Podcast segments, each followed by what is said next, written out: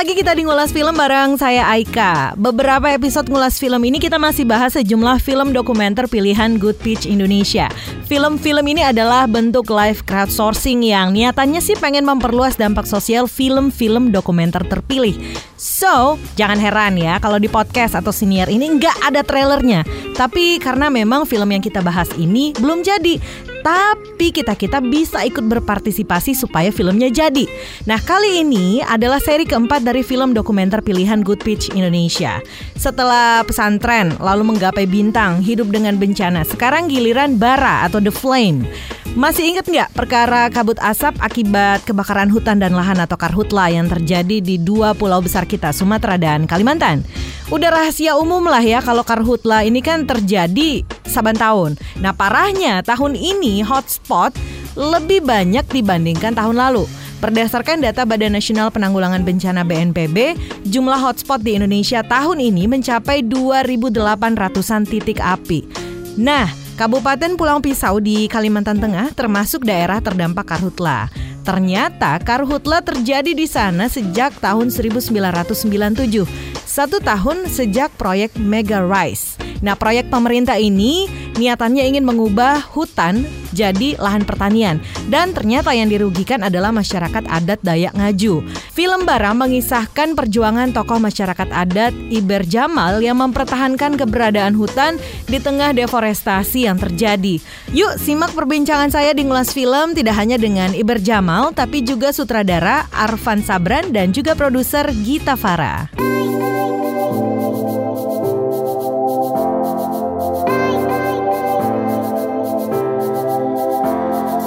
Film The Flame Bara. Ya. Ini sebenarnya apa yang pengen diangkat lewat film ini, Mas Arfan? Film ini sebenarnya bercerita tentang satu keluarga di Kalimantan Tengah, mm -mm. di mana tokoh utamanya adalah Pak Iber.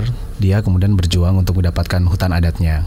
Namun prosesnya agak berbelit sampai empat tahun sudah. Kemudian sampai sekarang akhirnya sertifikat untuk hutan adatnya itu belum belum keluar. Sementara juga keluarganya sudah juga mulai pesimis ya bahwa oke okay, bapak tidak bakal menang gitu. Terus sementara tapi bapak itu juga dikuatkan juga oleh cucunya yang kemudian sudah memulai mempertanyakan segala sesuatu yang sudah hilang dari hutan mm -hmm. kayak uh, harimau uh, orang hutan bagaimana sih orang hutan itu. Padahal mereka adalah orang-orang yang kemudian berada di garis terdepan di di hutan hujan tropis Indonesia gitu di Kalimantan. Nah, film ini kan mengangkat seputar deforestasi, kemudian mm -hmm. bagaimana kita kehilangan hutan dan sebagainya. Nanti salah satunya perjuangannya Pak Iber gitu ya. Mm -hmm. Nah, tapi mungkin uh, boleh diceritakan juga nih, kenapa sih kita harus concern dengan masalah ini? Iya, kenapa kita harus concern dengan masalah ini? Kita tahu ya bahwa paru-paru dunia kita adalah hutan dan itu juga untuk dapat kita begitu cepat bisa menghancurkannya, tapi untuk mengembalikannya itu agak susah gitu. Mm -hmm. Itu pertama. Kedua, faktanya bahwa Indonesia itu adalah paru-paru dunia terbesar kedua di dunia. Mm -hmm. Tapi dalam hanya beberapa kurun dekade ini di Kalimantan sudah kehilangan lebih dari 50 52 persen ya. 56 persen uh, hutannya dan itu terus berlangsung terus berlangsung tanpa adanya upaya yang signifikan untuk menghindari itu. Bahkan justru justru kita membuka lahan lebih cepat dari dari sebelumnya gitu. Nah, itu juga membuat akhirnya berdampak ya terus jadi jadi semacam efek domino kemudian pada perubahan iklim pada masyarakat kita dan itu juga akhirnya mempengaruhi kehidupan kita. Gitu. Hmm. Hmm. Itu kan terjadi di seluruh bagian Indonesia yang ada hutannya gitu ya. Yeah. Tapi ke kemudian kenapa akhirnya ceritanya kisahnya Pak Iber ini yang teman-teman angkat gitu? Pertama karena Kalimantan adalah memang terbesar ya, misalnya hmm. terbesar hutan terluas di Indonesia, Indonesia, tapi juga kemudian yang paling parah deforestasinya. Pertama, kedua saya memang kebetulan ketemu sama Pak Iber yang berjuang sendiri,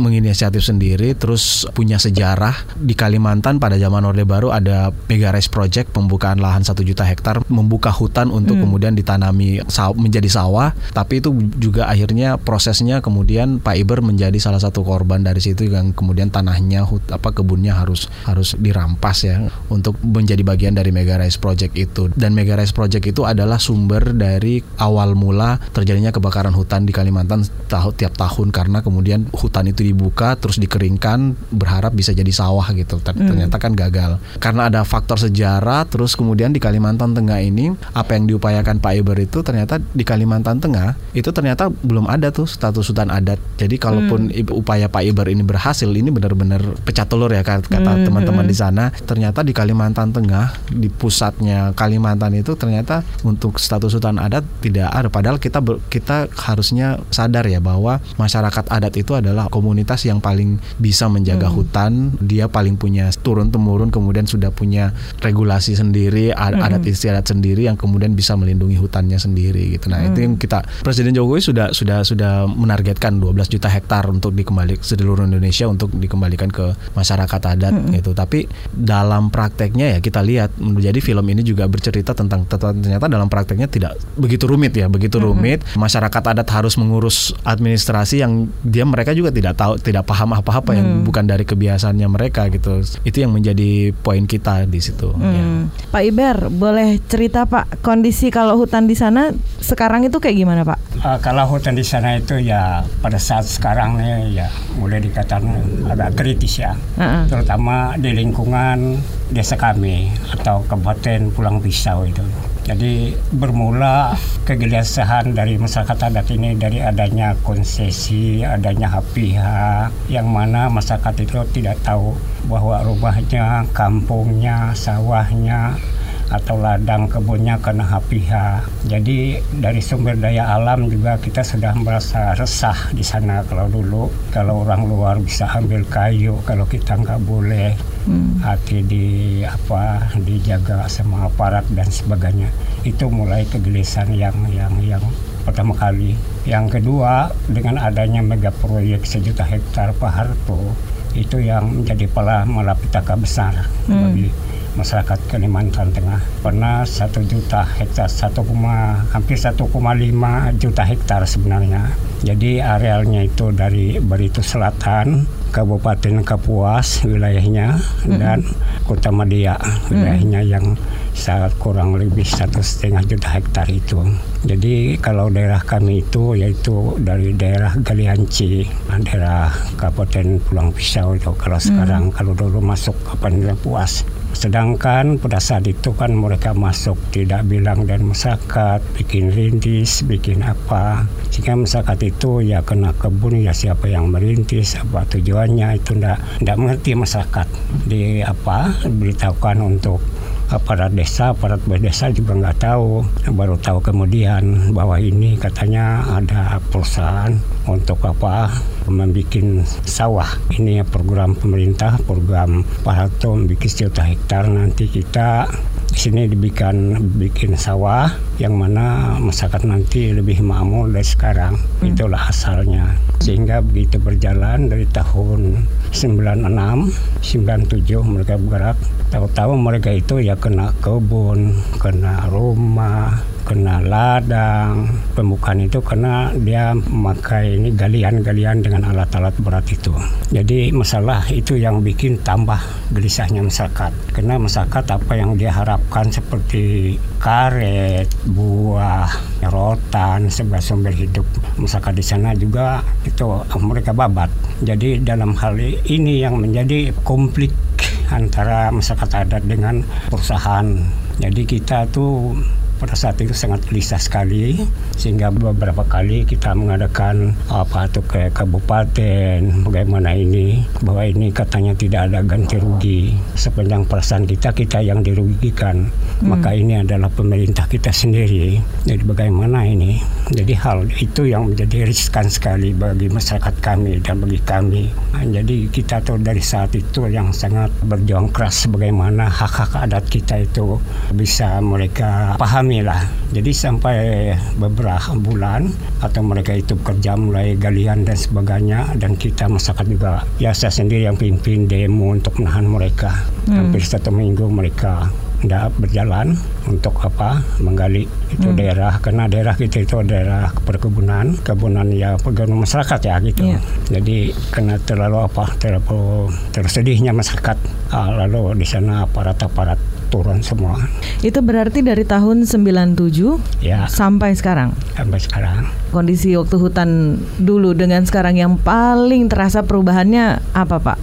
Kalau dulu kita itu enggak tidak jauh berjalan mungkin ketemu binatang hutan. Di belakang kampung itu paling 500 500 eh, meter satu kilo sudah bertemu orang hutan bertemu dengan beruk eh, bertemu dengan kijang. Kalau sore sekarang kalau hutan itu mungkin hampir 10 km ya dari desa hmm. ke sana. Karena ada namanya SPO yang itu SBO itu membentang dari pinggir kali samudera sana sebelah selatan sampai ke Pelangkaraya dekat Pelangkaraya dekat Kepulauan dia itu. Jadi di sana kurang lebih 9 km dari desa kita dari Daskayan itu semua amblas semua semua hilang. Kalau kita perkirakan kalau orang hutan itu umpamanya ada satu kilo itu ada dua atau atau lima berapa hilangnya flora dan fauna di sana. Jadi sampai sekarang anak cucu kita mungkin bisa tidak dia mengenal itu macan, tidak mengenal itu beruk, tidak mengenal itu orang hutan. Di sanalah kita sedihnya kita dia, dia mengenal ini jenis pohon apa, ini buah apa, buah hutan apa ini, ini rutan apa ini, akar hmm. apa ini. Nah itulah. Jadi eh, sekarang yang yang apa perasaannya yang sangat sangat eh, sedih sekali hmm. kami selaku orang tua seolahnya masyarakat itu putus dengan dengan alamnya sendiri kisah tentang Pak Iber dan keluarganya dan perjuangannya melawan deforestasi ini dan juga hak masyarakat adat nanti akan tergambar di film The Flame atau Bara ini. Nah, mungkin uh, Mas Arfan atau Mbak Gita bisa cerita begitu barangkali ya soal yang ingin dicapai sebenarnya lewat film ini apa gitu. Kalau dari kami sendiri sih memang menurut kami ini cerita yang penting untuk kita ceritakan ke semuanya dan mm -hmm. juga di apa disaksikan sebanyak mungkin audiens karena memang di Indonesia sendiri masyarakat adat itu se seperti sangat berjarak gitu dengan masyarakat umum yang lainnya dan kita suka take it for granted dan nggak hmm. nggak menganggap mereka penting. Sebenarnya justru masyarakat adat itu adalah garda terdepan konservasi alam kita gitu. Dan mereka yang mereka yang punya local wisdom mereka yang punya kebijaksanaan yang yang sudah diturunkan turun temurun dari leluhur kita untuk menjaga apa alam kita menjaga hutan kita. Dan sebenarnya kalau dari konteks global sendiri ya menjaga hutan ini tuh bukan cuma permasalahan menjaga Indonesia tapi juga ini kontribusi juga untuk seluruh dunia gitu karena memang hmm. perubahan iklim ini sekarang udah masuk krisis iklim dan kita harus ini sesuatu yang sangat urgent untuk diperhatikan dan sangat urgent untuk kita berkontribusi bersama gitu. Jadi sebenarnya kalau dari pemerintah sendiri mungkin ada kebijakan bahwa apa ada niat baik untuk mengembalikan 12,7 hektar hutan sosial ke masyarakat adat itu udah mudah menjadi sesuatu yang baik gitu. Jadi kalau kita memang kita ingin turut mengawal kebijakan itu dan turut bersuara lewat film ini bahwa ternyata kebijakan itu nih di tengah jalan banyak sekali kendalanya dan gimana mm -hmm. caranya kita semua bisa membantu masyarakat adat ini untuk akhirnya mendapatkan haknya, mendapatkan hutan mereka karena hutan mm -hmm. mereka nggak hanya rumah tapi juga identitas untuk mereka gitu.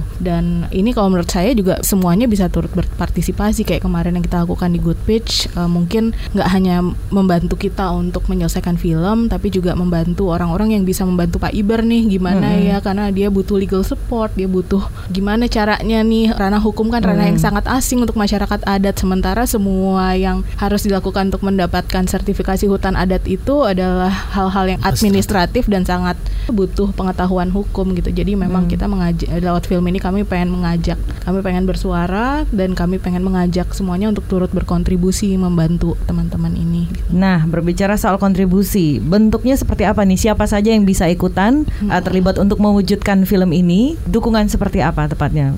Gimana? Kalau dukungan sih ya bisa finansial. Kayak bisa tadi saya bilang mungkin ada apa organisasi-organisasi atau NGO yang tertarik untuk membantu Pak Iber dengan perjuangannya mendapatkan hak atas hutan adatnya. Atau mungkin bisa berkontribusi juga. Kebetulan kita lagi ada dengan campaign, campaign. ya dengan mm -hmm. campaign.com itu sebuah aplikasi di mana di sana kalau misalnya kita pledge untuk bantu support film ini kita bisa mendapatkan per orang posting di aplikasi tersebut kita mendapatkan satu dolar untuk bantu menyelesaikan film ini. Ya kontribusinya bisa bisa macam-macam. Jadi yang paling sederhana juga itu seperti itu ya mm-hmm. di lewat lewat aplikasi campaign.com itu juga kita bisa teman-teman bisa bisa challenge sekaligus menyampaikan suaranya juga secara langsung sederhana saja, tinggal foto pakai masker, kemudian masuk di kita tagline semua orang bisa sebenarnya menjadi pejuang hutan seperti hmm. Pak Iber. Hal yang paling sederhana, yang penting kita butuh niat saja dulu kan seperti itu. Jadi kita sangat-sangat open untuk semua semua bantuan, semua support hmm. seperti itu. Doa juga bisa kalau. Amin ya. eh katanya udah masuk tahap produksi nih. Iya sudah masuk tahap produksi, masih ada masih ada proses syuting. Kita sih target tengah tahun depan ya gitu ya. Iya. Tengah tahun depan bisa bisa mudah-mudahan bisa selesai tepat waktu. Oke, berarti nanti kalau misalnya jadi tahun depan 2020 bakal didistribusikan dan bisa dilihat di manakah? Untuk rencananya sih masih belum sampai hmm. uh, rencana distribusi kita mau ke mana aja. Cuman yang jelas pasti kita pengen bisa diputer ya dari di seluruh Indonesia ya apa harapannya sehingga mungkin masyarakat adat yang punya isu yang sama, punya masalah yang sama seperti Pak Iber jadi tahu nih kalau Pak Iber mencoba menyelesaikan masalahnya seperti ini mungkin mereka juga bisa dapat ide hmm. untuk melakukan hal yang sama. Karena memang kebijakan ini nih salah satu harapan kita untuk konservasi hutan Indonesia gitu. Karena ketika hutan itu sudah disahkan menjadi hutan adat, mm-hmm. berarti hutan tersebut sudah tidak boleh lagi di dieksploitasi menjadi hutan produksi, mm-hmm. dipotong dan lain sebagainya. Sambutan internasional juga lumayan lah ya. Misalnya kemarin juga proyek kita juga diundang di Swiss juga untuk pitching di pitching Duril, mm-hmm. salah satu international film festival terbesar di Eropa untuk dokumenter. Dan kita juga menyuarakan itu dan ya jadi sebenarnya kita juga mudah-mudahan juga bisa bisa internasional kita juga bisa bicara. Karena biar bagaimanapun Indonesia punya posisi strategis dalam sebagai hutan hujan tropis kedua terbesar di dunia sebagai paru-paru dunia kedua terbesar di dunia. Kita punya posisi strategis dan juga kita berharap juga ada support dari dari dunia internasional juga untuk kemudian bagaimana bersama menjaga juga mengawal juga kebijakan-kebijakan eh, di Indonesia terkait dengan hutan. Karena ini juga hutan kita bukan hanya milik Indonesia juga kan tapi menjadi milik milik dunia. Itu sama dengan bagaimana sedihnya kita melihat hutan Amazon terbakar. Harusnya juga mereka juga punya empati juga ketika melihat hutan-hutan kita terbakar. Karena bukan hanya di Kalimantan terbakar Sumatera Papua Sulawesi juga ikut terbakar juga semuanya. Hmm. seperti itu. Terakhir Pak Iber ada pesannya Pak untuk yang mendengarkan untuk masyarakat untuk yang mungkin pemerintah gitu sebagai bagian dari masyarakat adat begitu dan pejuang hutan Pak terutama untuk pihak pemerintah harapannya oh, umpama dari Kementerian Lingkungan Hidup diharapkan lebih lebih apa lebih lebih cepat dan lebih keras lagi mengadakan sosialisasi untuk masyarakat bagaimana mendapatkan hutan adat atau hutan hutan kerakyatan, hutan desa. Jadi di sana masyarakat itu sangat awam sekali, jadi sangat tidak mengerti jadi dengan adanya mereka dikampanye kepada masyarakat, masyarakat itu bisa berpikir, ah, bisa tahu bahwa mereka sedang diancam oleh kehilangan hutan dan sebagainya. Jadi harapan kita kepada intelektual juga bagaimana kontribusinya untuk masyarakat adat yang garda terdepan dalam menghadapi hutan, ya di sekitar hutan dan sebagainya. Pertama kita harus menekan kebakaran yang mana bermula dari tahun 97 kalau untuk Kalimantan Tengah. Nah, jadi sampai sekarang masih merupakan merupakan suatu yang sangat menyedihkan sekali. Hampir setiap kemarau panjang masih ada kebakaran hmm. dan juga untuk teman-teman masyarakat adat jangan pesimis, berjuang terus, berjuang terus kita sekalipun uh, banyak tudingan-tudingan miring pada masyarakat adat jangan hiraukan itu merupakan hal-hal memacu kita lebih untuk maju lagi. Baik, kalau begitu. Mas Arfan, Mbak Gita, ya. juga Pak Iber, terima kasih dan sukses ya. untuk filmnya nanti kita akan tunggu ya, ya ke depan ya. Kasih. So, itu tadi ngulas film bareng Aika dan jangan lupa untuk simak terus episode selanjutnya ngulas film di kbrprime.id.